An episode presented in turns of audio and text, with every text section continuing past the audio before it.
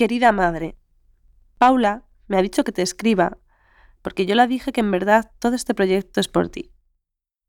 Más que por ti es como si todo este proyecto fuera un rodeo por no ir directa a preguntarte por cómo era el tío José Luis, qué pasó, cómo te sentiste tú al respecto. No recuerdo cuándo fue que supe que tu hermano había sido heroinómano. Y no sé por qué eso es lo único que sé de él. Quizás me contaste otras cosas y las olvidé, o quizás es verdad que nunca me contaste nada. Cuando él murió yo tenía tres o cuatro años, ¿no? Quizás tengo guardado dentro de mí todo ese dolor que no supe ver porque no entendía, y por eso todo este rollo ahora de mi obsesión con la heroína y España y las memorias íntimas. Llevo un año dando vueltas a todas estas cosas sin querer decírtelo, preguntándole solo a mi padre cada vez que comíamos juntos por cómo fue todo aquello.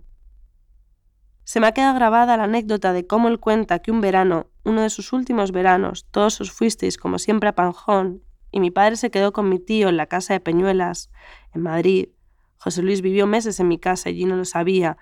Bueno, la cosa es que él me explica cómo por aquel entonces nadie sabía nada de cómo era eso del SIDA, y que se pensaba que hasta por usar el mismo tenedor podías contagiarte.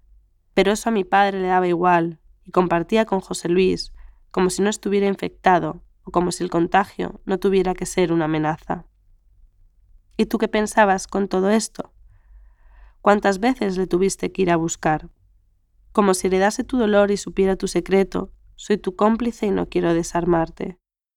Quizás el silencio, mejor después de todo otra vez el silencio. Y como mi querido amigo Jesús escribió, el desamor de aquel silencio. Con tan solo 14 años, su primer chute. Carabanchel bajo.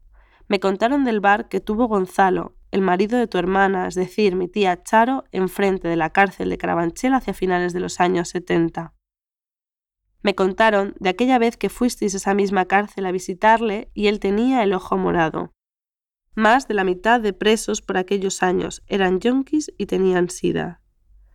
Todos cayeron como moscas les llevaban al hospital más cercano para que muriesen ahí y así nunca saliesen a la luz las cifras exactas de la gente que murió en ese lugar.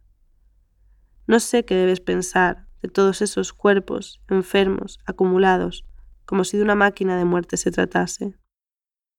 Pero él murió y todo siguió igual. Luego te volviste a casar. Compramos una casa en una urbanización más grande. El colegio donde habías entrado a trabajar fue mejor y yo decidí que no debía preguntar. Y te escribo esta carta, porque Paula me ha dicho que te escriba, pero quizás en verdad debería ir a verte y simplemente preguntarte por cómo era el tío José Luis y qué es lo que le gustaba, a qué cosas jugabais juntos, si te hacía reír cómo era eso de tener un hermano yonki.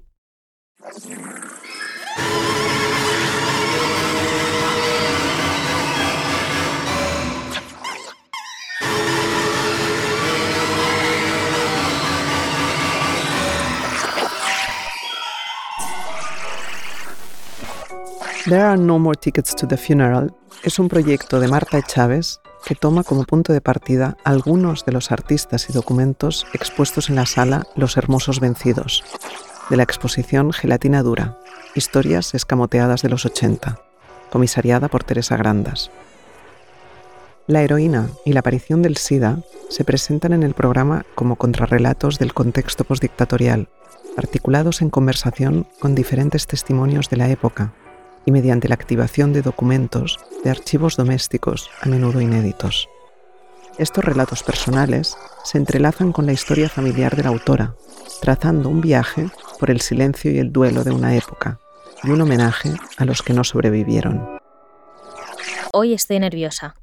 A pesar del cóctel de metadona y Valium, no puedo dormir. Ojalá recurriera al boli y al papel siempre que me sintiera así. Funcional. No puedo hilar bien las ideas me salen como cortadas a hachazos. Pero lo voy a intentar.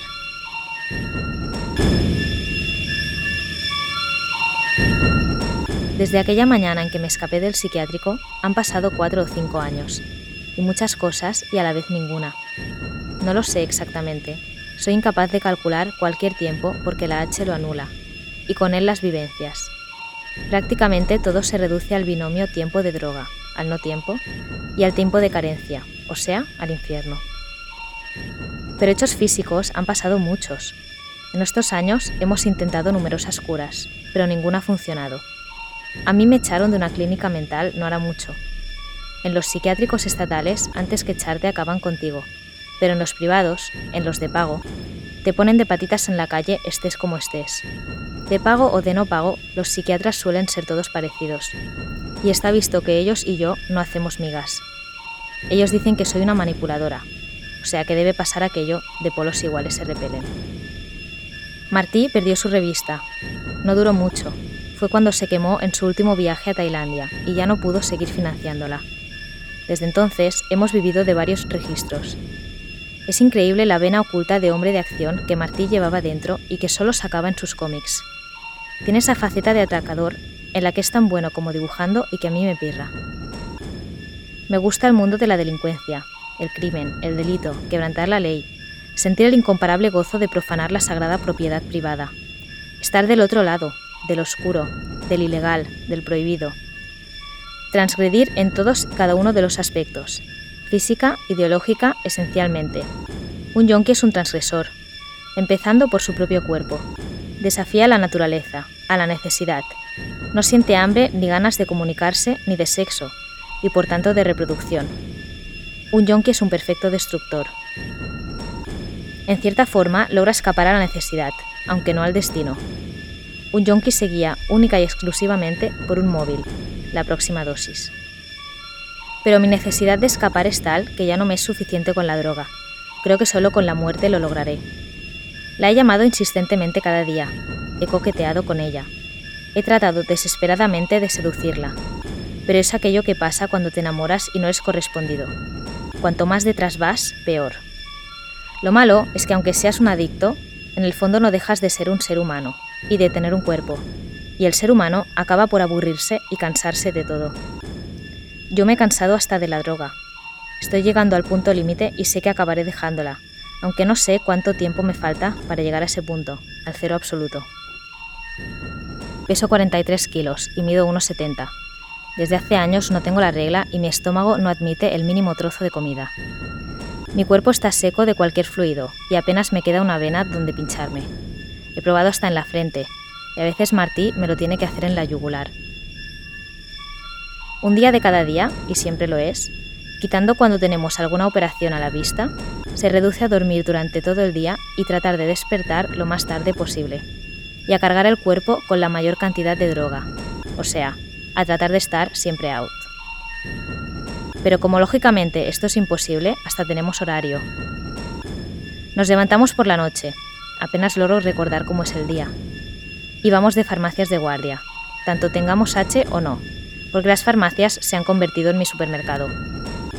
Allí tienen todo lo que necesito, la comida mental y la física. Desde hace años que me alimento de papillas porque, como he dicho, mi estómago no admite nada más. Me gusta especialmente la de arroz con leche, aunque la suelo alternar con las de cinco cereales o frutas. Siempre uso el mismo tazón y la misma cuchara. Cuando ya tienen demasiada costa los tiro y cambio por otros nuevos. Bañarme ni hablar. No lo necesito porque mi cuerpo no expulsa ningún fluido. El día que logro hacer caca tocan las campanas. Aunque procuro limpiarme de vez en cuando las partes que se ven, porque al fin y al cabo aún hago algo de vida social. Martí todavía come, al amanecer suele ir a un bar del barrio que abren muy temprano y tomarse un bocata o una buena tapa, y el resto del día se apunta a las papillas. Hemos dejado de tener problemas, yo ya no tengo que abrirme de piernas como hacía para complacerle cuando él tomaba, porque ahora tampoco siente la necesidad. Y también por fin he conseguido mi habitación, Martino quería, y estar sola, que en el fondo es como siempre he estado y como siempre se está. Ahora solo discutimos cuando queda poca droga y hay que repartir. Siempre empiezo yo, y también soy yo la más rastrera. Después de la farmacia, cuando lo conseguimos fácil, porque hay veces que todo se conjura en contra nuestra, solemos ir al drugstore. Es lo único que está abierto a esas horas, y además allí compramos la comida del entretenimiento, en la librería. Marty sus cómics y yo mis libros. Preferiblemente serie negra, se consume fácil, aunque a veces cae algo de Janet, de Bian, de Miller.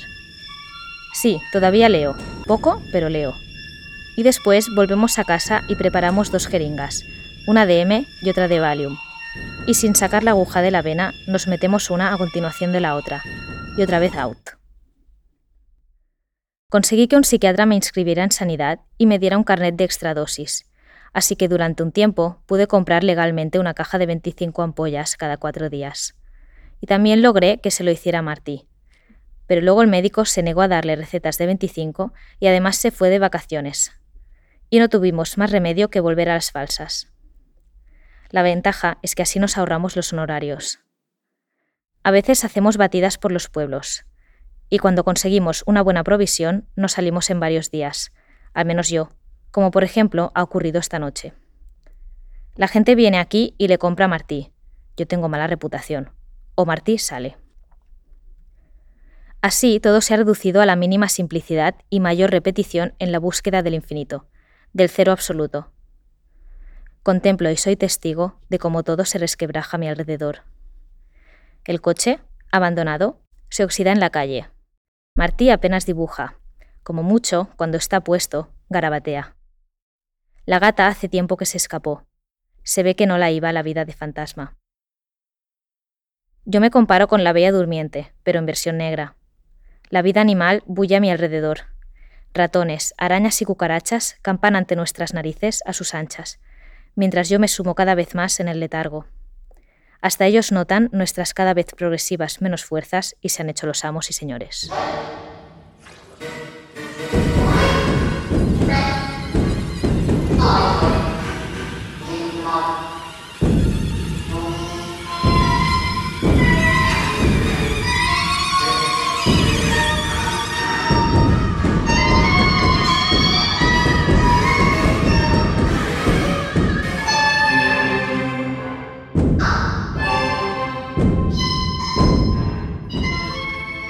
Arnal, que es el gran historiador de las uh, drogas en España, ya desde muy temprano, su libro Drogas y Cultura de Masas, eh, estudia una, una ecuación interesante.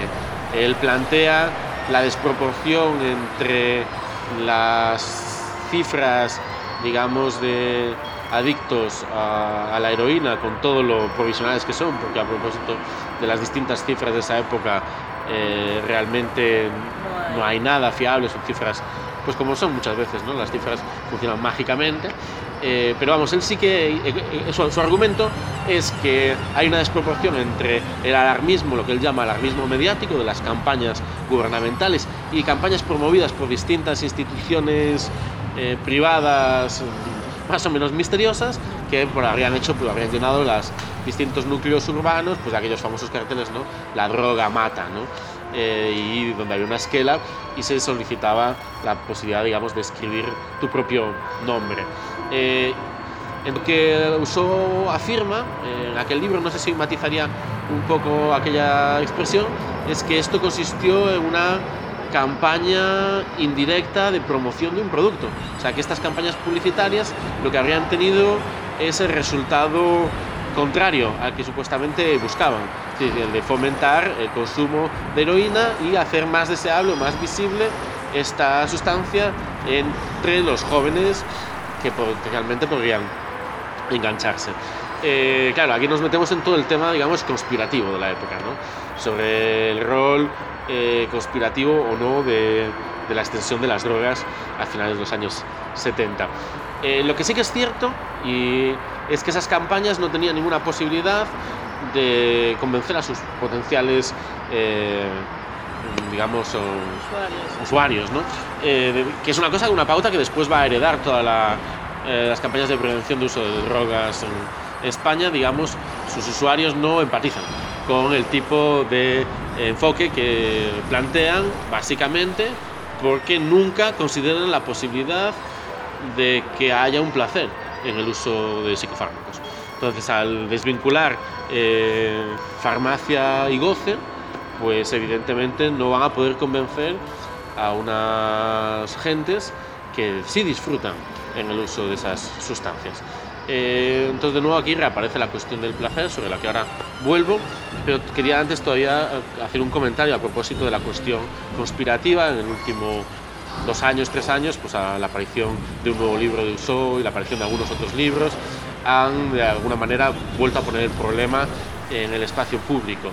Eh, mi posición sobre la cuestión, en el libro Culpables por la literatura lo establezco bastante claro, es que el hecho de que la heroína haya sido una de las herramientas, ah, digamos, que uh, articulan la desaparición de esta juventud como sujeto político y en muchos casos también su desaparición física, la desaparición física de muchos de sus miembros, no significa que haya habido, evidentemente, una campaña orquestada como una suerte de gal farmacológico destinado a la destrucción voluntaria ¿no? De esta juventud, sino es un proceso mucho más biopolítico en el sentido Foucaultiano. Es un proceso que según va eh, generando se va reorganizando sus propias respuestas. Es decir, que el hecho de que al final la heroína acabase despolitizando a la juventud española, por ponerlo en esos términos, eh, no significa que el proyecto fuese despolitizar a la juventud española a través de la heroína. Sin embargo, para muchos de las personas que atravesaron ese proceso sí lo sintieron en esos términos, incluso lo escribieron en esos términos, a propósito de alguna manera de leyenda urbana. Lo interesante de las leyendas urbanas no es su falsedad, sino el síntoma eh, que permiten simbolizar en su momento. las leyendas urbanas no están hablando de un dolor social, un miedo, un, lugar de sentido que no ha sido atendido suficientemente. Y en este sentido, a mí sí me interesa pensar, digamos, las hipótesis conspirativas como un relato eh, de época y generado por los propios protagonistas también de esa, de esa época. La otra cuestión es la cuestión, digamos, mística o espiritualista vinculada al uso de psicofármacos en los años 70 y particularmente la cuestión de la, de la heroína. Ahí se, mezclan, se entremezclan muchas, muchas cuestiones distintas por un lado, digamos, el sustrato nacional católico del mundo del que muchos de estos jóvenes proceden, pues evidentemente estará informando sus visiones eh, futuras.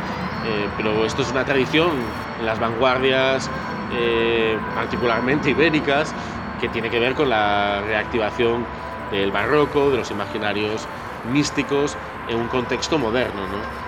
Aquella, digamos, frase de eh, Lorca y Dalí, de que en las bocas de los modernos maniquíes era posible reencontrar las llagas de San Sebastián. Pues que de alguna manera estas, estas, eh, estas llagas eh, barrocas reaparecen en un contexto moderno o posmoderno asociadas pues, a nuevas estructuras de deseo, aquellas que evidentemente también van a tener que ver con el capitalismo y con la posibilidad del goce. Entonces, de alguna forma, eh, el lenguaje del goce que van a tener muchos de estos jóvenes poetas y creadores a su disposición es de alguna forma el del catolicismo y de sus zonas místicas, como aquel punto donde de alguna forma el sujeto se fuga del propio dominio al cual, digamos, esos lenguajes le conducirían.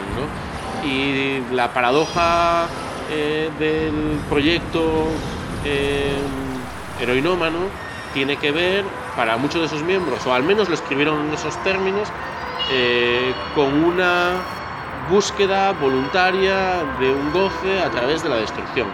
Y aquí aparece el elemento autodestructivo de una juventud que por otro lado era muy vitalista. Esto es una de las paradojas.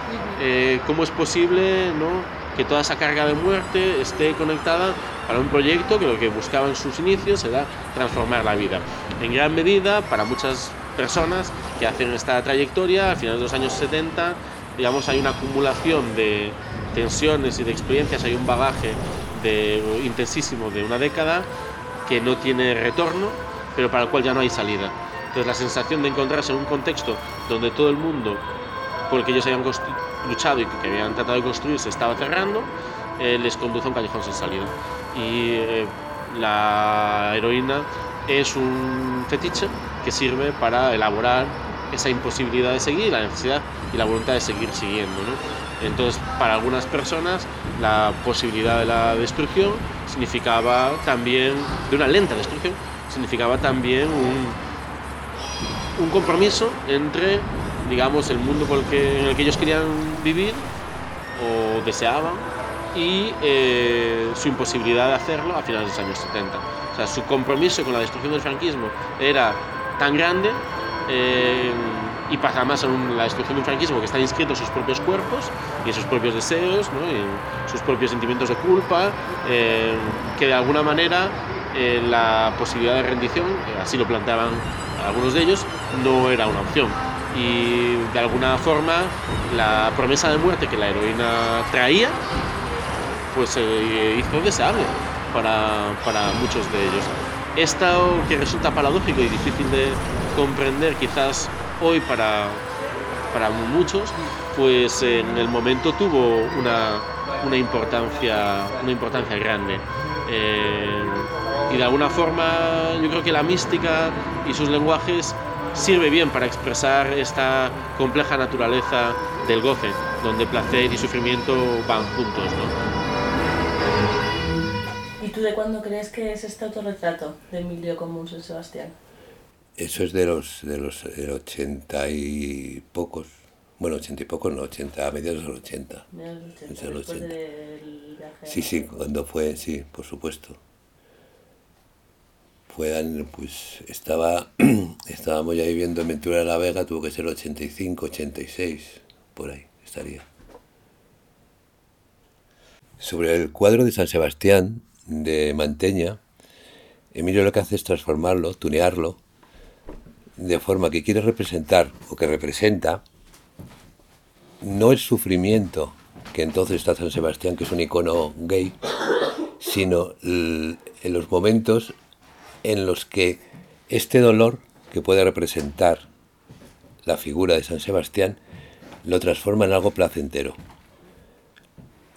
De forma que cogiendo, por ejemplo, la cara, la cara de, la cara de San Sebastián de Manteña está hacia la derecha, él la pone hacia la izquierda.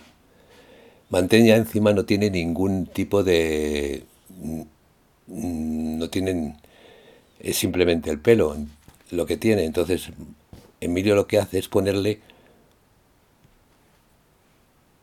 una papelina sobre el pelo. Su cara la pone hacia la izquierda y desde el ángulo superior izquierdo lanza, en vez de flechas, lo que en aquel momento estaba disfrutando, que es la heroína. Por eso pone una aguja y la pone con sangre. El resto del cuadro lo deja más o menos igual. Y de eso hace una primera fotocopia. Hace una fotocopia, que es lo primero eh, del tamaño que es lo que se conserva, luego hace una fotocopia más grande, que es otro cuadro que se conserva, que es lo único que se conserva de él, pero no trata de cambiar nada de todo el, de todo el paisaje y de todo el caos o de todo lo que pueda haber dentro del, cuadro de Manteña. Lo, lo, que quería representar en ese momento, aparte de utilizar el icono gay que es San Sebastián, era el momento pues, eh, no sé, es que es un momento muy, muy especial. No había dolor, no había todavía todo eso que puede, que puede producir el, el estar enganchado a la heroína. Era todo lo contrario, era un momento en que estaba así, era doloroso, pero disfrutaba, se disfrutaba.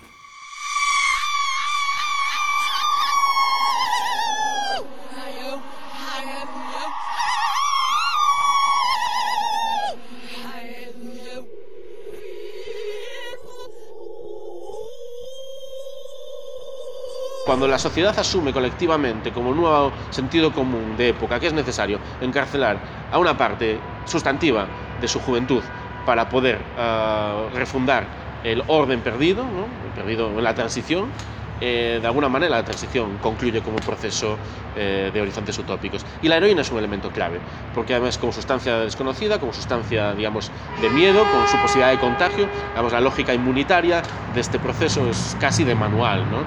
Y tampoco es un proceso exclusivamente español, lo que pasa es que no, no, es un proceso global, eh, que se da en todos los países, digamos, occidentales del bloque atlántico y se dará posteriormente en los países socialistas, en el contexto también de las transiciones posteriores a la caída del muro de Berlín.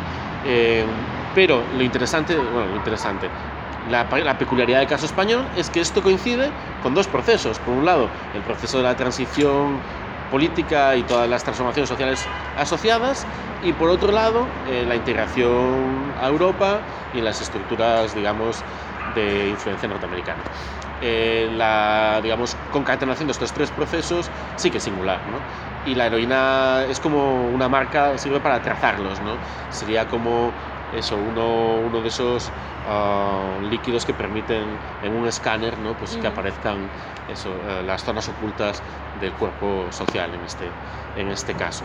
El problema que se asocia digamos, a la representación de la heroína en la época bueno, tiene que ver con la representación de la época. O sea, como todo lo que tiene que ver con esa otra transición, digamos, más eh, cultural, eh, más a veces underground, pero con huellas también, digamos, mainstream, en la medida en la que eso se diluye y sobre todo que no se pueden, se deja de entender, pues eso, cuál es la relación, por ejemplo, entre la expansión de la heroína y la transición política y social, en la medida en la que ese vínculo no se comprende, eh, esas figuras desaparecen de la, de la, escena, de la escena epocal. Eh, pero están grabadas en el archivo de esta juventud, de esta contracultura. Están en los fanzines, están en las muchas revistas del momento, están en las eh, pintadas, están en la poesía, están en la música, están en las portadas de los libros. Eh, yo he reproducido algunas de las portadas de Starbucks eh, que tiene unas imágenes muy gráficas en torno a la, digamos, presencia de la, de la, de la droga, particularmente de la, de la, heroína, por ejemplo, eh, a, partir de la traducción de libros de, de Barrows, por ejemplo. Eh, como Jonky o como Almuerzo Desnudo. Son imágenes muy gráficas, morbosas. Yo diría que más que positivas, lo que hay es una gran morbosidad asociada, hay un deseo asociado a la presencia de la heroína. Un deseo que articula también la posibilidad de la muerte. Y luego hablamos también de eso un momento. Eh, la idea es que, claro, ese archivo, pues eh, digamos, la heroína le pasa como a cualquiera de las otras figuras que tienen una presencia importante en ese archivo. Luego será, por ejemplo, la recuperación en los últimos años de distintos archivos queer o la recuperación, la reflexión sobre, eh, sobre el, SIDA y la inscripción del SIDA en el archivo de la época, pero también podríamos decirlo la violencia política, podríamos hablar del archivo de la tortura, el archivo de la de la represión franquista, porque la contracultura, las culturas críticas antifranquistas de los años 70 van a pensar las cuestiones vinculadas a la memoria, al genocidio del 36, y van a intentar eh, inscribir esto en todos los ámbitos del arte. hay todos los grandes, digamos, temas eh, políticos, el archivo de la insumisión, el archivo anti, antifascista, todos los grandes temas políticos de la época van a desaparecer del archivo de la época y las estrategias de su recuperación y eventual archivación o musificación, pues de alguna manera van a ser las mismas y les va tocando el turno, por decirlo en esos términos, en distintos momentos y yo creo como que ahora mismo pues están todos los frentes abiertos. Eh, a propósito, por ejemplo, claro, de la, de la heroína es una figura tan central en esta generación que recibió muchísima elaboración crítica y estética por parte de sus miembros.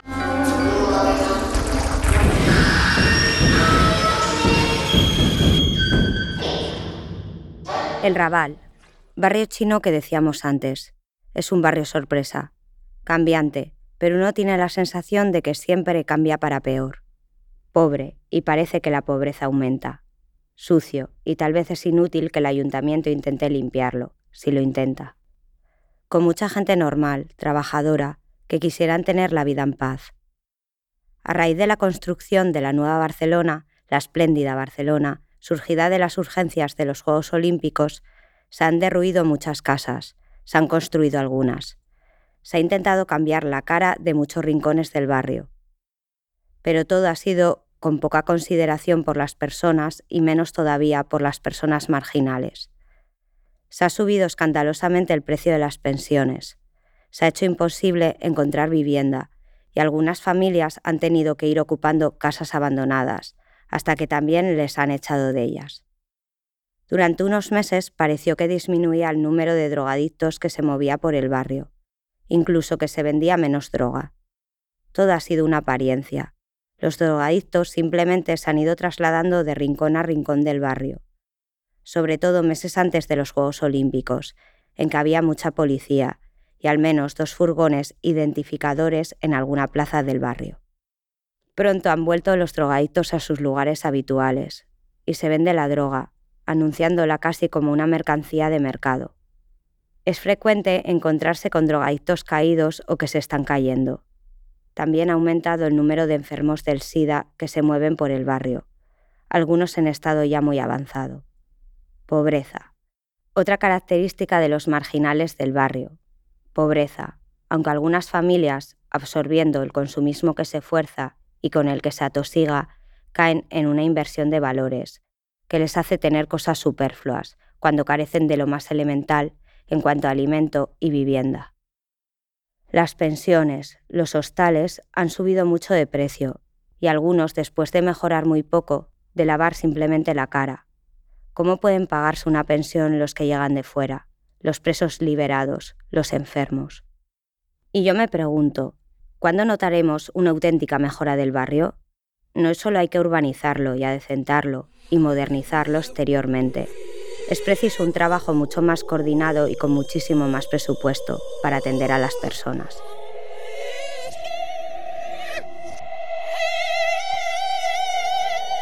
tienes que pagarte tu dosis porque no hay respuesta en los tratamientos. Ojo, aparte de por muchas cosas, un, algo más para... Es que, ¿qué respuesta te estoy dando yo? Si eres adicto a la heroína, vienes aquí, te digo, te tienes que desintoxicar y para desintoxicarte de la heroína, que decíamos unas cosas, lo tienes que pasar mal. Te puedo dar unas pastillas, pero lo vas a pasar mal. En vez de darte lo que ahora damos, ahora hay muchas cosas que puedes dar y no lo pasas mal y sigues un tratamiento, entonces no teníamos ni metadona, ni buprenorfina, ni buprenorfina naloxona, ni nada de nada. O sea, lo que hacíamos es, te pasas el síndrome de abstinencia, el famoso mono, te pasas el síndrome de abstinencia mm, con un poco de analgesia y para dormir y luego te doy una altrexona y así no puedes consumir. Eso era lo único que teníamos. Teníamos pocas herramientas farmacológicas y sabíamos poco psicoterapéuticamente hablando. Pero la metadona existía ya. Claro, pero en el Ayuntamiento de Madrid no. Existía en Marroquina, había una lista de espera en aquellos años. ¿Y pero por qué tardó tanto en recetarse metadona? En Madrid no lo sabemos, nunca lo hemos sabido. Eh, hubo una oposición, sabemos, frontal a nivel político, de que en el Ayuntamiento de Madrid nunca se daría una droga. Y tuvimos que hacer muchas intervenciones jugándonos muchas cosas a decir que no era una droga. ¿eh? Es que es un sustitutivo, sustituyes una cosa por otra. Y que joderse. No, entonces tuvimos que convencer a mucha gente durante mucho tiempo y nos costó mucho trabajo convencerlos de que la metadona no era eh, eh, otra droga, era un sustitutivo, era legal, era un fármaco que nos permitía trabajar con las personas que eran adictas a la heroína y que querían dejarla. Mutua de Terrassa, 12 de marzo del 81. 13 de marzo del 81. Segundo día de hospital. Ayer fue espantoso. Todo bastante parecido al clínico del año 1976, aunque aquí los servicios son mucho más espaciosos y las habitaciones dobles. Me ha tocado un elemento maníaco depresivo cargado de puñetas, pero estamos muy distanciados. Hay otro chico internado también por toxicodependencia, que se llama Marcial, Lleva aquí 12 días y cree que a comienzos de la semana que viene saldrá de alta, aunque por desgracia seguro que vuelve a engancharse, más por la manera fácil de hacer dinero con la heroína que por la droga en sí. Mañana creo tendré la charla larga con el doctor Mengual, que es simpático y creo que he tenido suerte. Ya veremos cómo reaccionará cuando le cante las letanías. De momento, el síndrome es el mismo que hubiera tenido en la calle tomando unas cuantas gotas de tilinina cada cuatro horas, y sedantes estilo Sinoyan o Librium, e hipnóticos como Rohypnol. Escalofríos y bostezos, eso no, o al menos a mí, no se han calmado todavía. Por la mañana una, con la comida otra y a la cena dos. Dan unas bolas verdes de efectos parecidos al distranecrine, pero más refinadas. No tantos picores, pero sí atontamiento general total. Julie me ha venido a ver y me ha comprado un pijama, toallas y un neceser, buñuelos de cuaresma y yogures. Ha sido un detalle de puta madre. Realmente no sé cómo le podría agradecer todo esto. La primera pregunta que hizo el doctor Soler fue, ¿y después qué? Pues bien, cuando empiece a sacarme del cuerpo la maldición que hasta ahora me esclaviza, tengo que pensar seriamente sobre esto. ¿Trabajar? ¿Dónde? ¿Vivir? ¿Dónde? Muchas preguntas esperan respuesta desde hace años, y los tóxicos o el miedo a un nuevo fracaso retrasan la decisión de cambiar de vida o morir. De momento, todavía no me he visto con fuerzas de coger el libro del Proust, y leo a ratos Espartaco, que es un folletín de romanos que al menos monta una película en mi cabeza, que me hace olvidar mientras bostezo, sudo y sobre todo ansío calma dentro de mi cabeza. 9 horas, 50 minutos tarde. 10 horas, 42 minutos. 14 de marzo del 81. El tercer día en teoría es el peor. Pues bien, me encuentro mucho mejor que ayer, pero no hay manera de sacarse el sudor frío. Como dice la canción, Cold sweat, I need warm to my bones, I feel cold sweat. The Third World. He tenido una charla con el compañero de habitación que realmente es una historia dramática. Tiene un hijo autista y un sinfín de problemas. No sé qué coño pasa que no escribe bien ningún rotulador. Falta todavía una hora para la medicación, que todavía no sé muy bien por qué me la dan, porque, exceptuando ayer por la tarde, no he sentido ninguna mejora en la secuencia de malestares, dolores y sudores del mono. Si bien no he tenido los espasmos de la mañana ni he vomitado, quizás eso es lo único que calma. Realmente, este tipo de cura le haría cosquillas a los colegas. Son tratamientos para pinchetas de calle que toman smack muy adulterado. Recuerdo cuando íbamos de Las Palmas a París con Jan y teníamos el mogollón en Ville d'Oré. Pues bien, un retraso de cuatro horas en barajas por el enlace en París y no nos movimos del lavabo. Yo tenía unas arcadas que me retorcían las tripas y Jan no podía aguantarse y cagaba líquido por la pernera del pantalón. Allí se quedó la ropa y en el vuelo de Madrid-París no salió del lavabo y yo tuve la cabeza metida en una bolsa para los vómitos. Pienso que harían con un first class como él. Seguramente se habría marchado ya hace rato. Para él solo queda la solución de bajarse la dosis poco a poco y quedarse en Goa e ir tomando opio y esperar lo que pasa en Marmuten o Puna. Esperar a que vuelva Patrick, que hace seis meses que está perdido en Cachemira y es amigo personal de Lolif. Y quede claro todo este asunto de las oxinas o endorfinas, que él cree que es lo único que le puede curar. No sé si siento envidia de ellos, que ahora deben estar bajo el sol de Goa fumándose bong tras bong, y seguro que habrán contratado a un baba que les prepara las pipas de opio para aguantar solo con tres ñacas diarias como tenían programado. Son las 11 y 20. Tengo una ansia que me estrangula el ánimo. Por lo visto, durante el fin de semana dan muchos pases, y la planta queda más vacía. Hay un chico que se llama Matías, que ha dejado un radiocassette y acabo de escuchar la noticia de la muerte de Mike Bloomfield, el de la supersesión con S. Steels y Al Cooper. El bluesman blanco de Detroit ha muerto de sobredosis de Valium. Muy alentador. Bien, estaba hasta los cojones de escribir con los rotuladores que no funcionaban, y le he pedido un boli a la enfermera, Margarita. Y esto ya es otra cosa. Por lo visto, no les gusta que esté todo el día en la habitación, pero no tengo humor para aguantar chaladuras de los internos. Ahora mismo me han ofrecido jugar a cartas, pero la verdad es que estoy totalmente offside de esos majaras. De todos modos me viene a la memoria una frase. Más vale ser toxicómano unos años que demente toda la vida.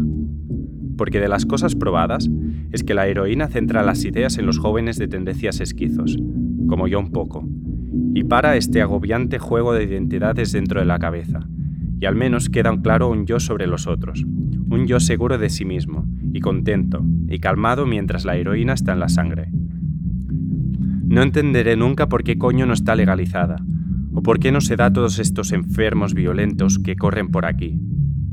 ¿Qué pasa? Más vale ser un toxicómano que se inyecte tres o cuatro veces al día que un chalado perdido o atontado por los Valiums, Libriums, disiraneurines y ves que sí, que están calmados pero no satisfechos. El SMAC, además de calmarles, les daría una satisfacción que la vida no les ha dado. Pero hoy en día ser médico quiere decir especular con el dolor de los demás, o lo que es peor, tener la exclusiva de la ciencia. Son las 11 y 44. En la radio Jeff Beck. Antes han puesto Bill Evans. Parece que solo los músicos consagrados tienen derecho a ser yankees. Recuerdo la sentencia de Toronto de Keith Richards. Descarado. Bien, la conclusión de todos estos dos días es que si lo sé no vengo. Pero ahora que ya ha pasado unas cuantas horas putas, todo eso que tengo ganado realmente. Y como decía también la canción, There ain't no cure for the summertime blues.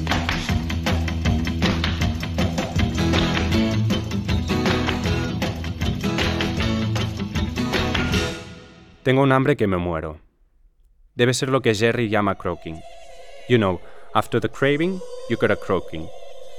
No sé si aquí se puede comprar algo de comer, pero todavía falta bastante para la comida, y tengo el estómago lleno de jugos. Debe ser coincidencia, pero ahora en la radio suena John Martin y canta The Dealer. Radio Terrassa es muy buena. Tendré que devolver este aparato a Matías.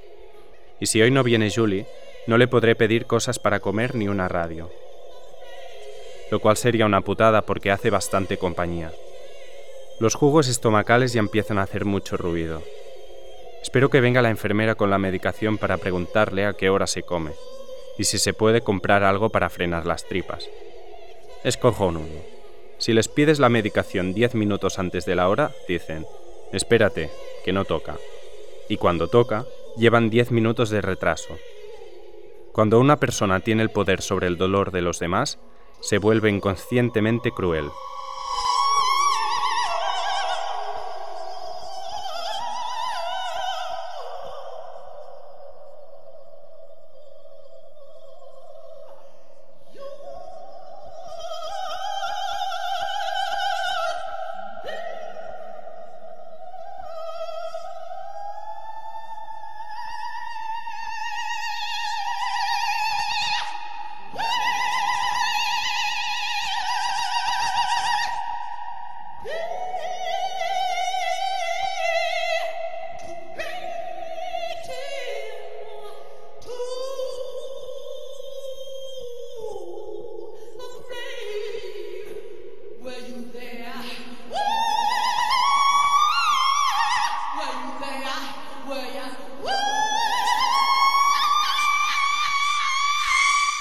Mi hermano enferma, entonces ingresa al hospital y allí se le diagnostica una endocarditis. Una endocarditis es una infección de las válvulas del corazón producida por la, no, no por la heroína en sí, sino por todos los aditivos que lleva la heroína.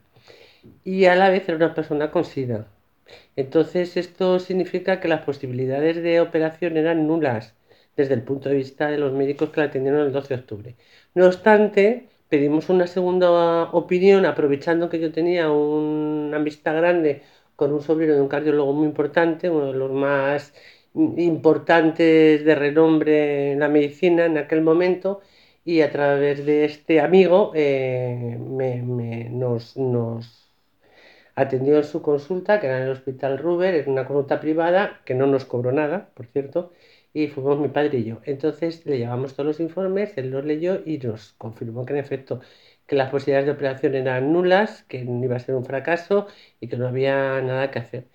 Pero no, de todas formas el hombre fue al hospital y tuvo la amabilidad de visitarle, de hablar con los médicos y de hecho mi hermano eh, murió el final del el, el diagnóstico de su muerte fue una plasia medular que esto es una bajada de, plaquetas tan enorme como una especie de leucemia, por decirlo así, y murió de eso, pero eso era motivado porque tenía, era, una, era una persona que tenía sida.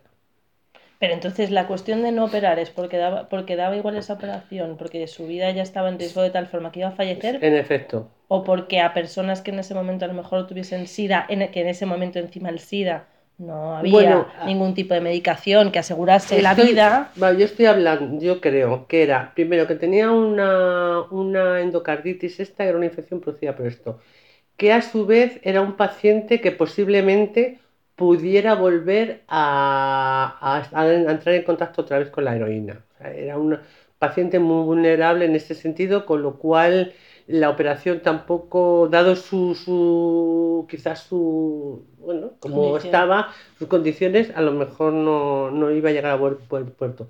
Y también debía estar ya en una fase bastante terminal de eh, la endocarditis esta y de, la, y de su enfermedad de SIDA, porque de hecho él murió porque no tenía ningún tipo de plaqueta ni de defensa, ya su sistema inmunológico falló.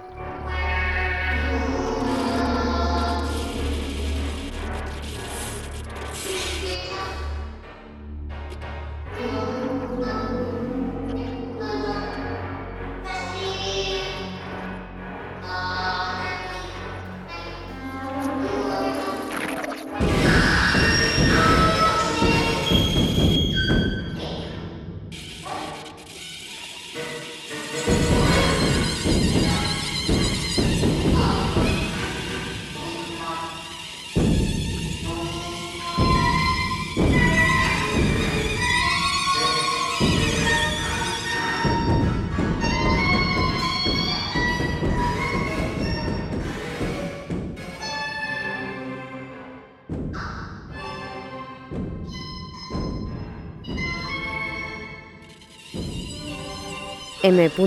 y D. Dos muchachas de 22 y 23 años. Trabajaban de prostitutas en la calle San Ramón, por donde aparecieron en mayo de 1987. Las saludaba con frecuencia, sin poder llegar a una confianza con ellas. Murieron las dos la misma noche y en la misma pensión, los amantes de la calle San Ramón. Fue en agosto de 1987. La India, jovencita de 19 años. Durante más de dos años la he atendido por la calle y la he visitado cuando ha ido a la cárcel. Se prostituía y robaba continuamente para alimentar su heroína. Varias veces la había recogido tirada a la calle y en dos ocasiones la había llevado al hospital del mar. Se había convertido en una persona muy desagradable, de manera que nadie quería su compañía. La madre de la India murió poco después que la hija, probablemente de la misma heroína adulterada. También se dedicaba a la prostitución. Las dos murieron en marzo de 1988. Rafaela, joven de 24 años, conocida desde que a los 14 años era la novia de un famoso atracador del Raval, que hace ya 10 años que está en la cárcel. Tenía dos hijos. Hacía ya dos años que estaba de prostituta en la Rambla, cada vez más deshecha por la heroína. Murió en abril de 1988. Carlos, un joven de Hospitalet, de 20, que hace unos meses que andaba por el Raval. Drogadicto y traficante. Tenía muchas deudas, pues no pagaba a sus proveedores y durante el mes de mayo le mataron a palos. Miguel, 23 años, conocido del barrio desde que tenía 14 años. Asiduo de la calle de Tapias mientras estuvo abierto el ranchito. Luego andaba mucho por la calle Arco. Travesti llamado La Juana. Murió el mismo día que la Paqui, en julio. Muy conocido en la Rambla, donde además de prostituirse se dedicaba a la venta de droga y de otros objetos. Antonia, 19 años, conocida desde los 8 años. Se había hecho mucho por ella en el centro abierto y por la calle. La había visitado en la cárcel de Batras y en la de Lérida. Murió el 24 de agosto en el Carrenou. D.F.J. Del SIDA, 23 años. Murió en un hospital, vigilado por la policía. Su madre había insistido que le permitieran llevárselo a casa. Había recorrido todas las escalas de oficinas y autoridades. Nadie le hizo caso. M.Gr. De 22 años. Morenilla, graciosa, alegre. Dejó la droga durante más de un año, mientras vivió con un negro que la quería mucho. Y ella estaba contenta. Cuando el negro cayó preso, volvió a la prostitución, volvió a la droga, y la encontraron muerta en una pensión. La Ju, por la droga, travesti, 26 años, Llevaba tiempo arrastrándose por la rambla como una sonámbula. Lana, punto, recién salida de la cárcel, se pincha y muere en el acto, 27 años. Hombre de la Mi, por el SIDA, poco después de salir de la cárcel, 36 años. Lo punto ra punto, por el SIDA, 31 años, prostituta en San Ramón. Is punto K punto, por la droga, 21 años. Es el que me había preguntado pocos días antes si se podía morir de sueño. Conocido desde pequeño en colectivo y en el centro abierto. Ale, por la droga. Hombre ya de 47 años, antiguo traficante, enriquecido sobre todo por la venta de chocolate. Se arruinó totalmente al engancharse a la heroína y murió abandonado de todos. Ana, por la droga. 24 años. Eran cinco hermanas prostitutas, tres de ellas enganchadas a la droga. Muy cariñosas siempre que me veían. A punto, sa sa por la droga. Gitano de San Roque apodado el Rey. Le conocí en la escuela de San Roque y siempre mantuvimos muy buena amistad. Al salir de la cárcel se convirtió en traficante. Acabó heroinómano también y murió abandonado de su mujer y sus dos hijos a punto del P. T. del SIDA. Le dieron en Santoña la libertad por el artículo 60. Murió en mayo, después de largas estancias en el hospital,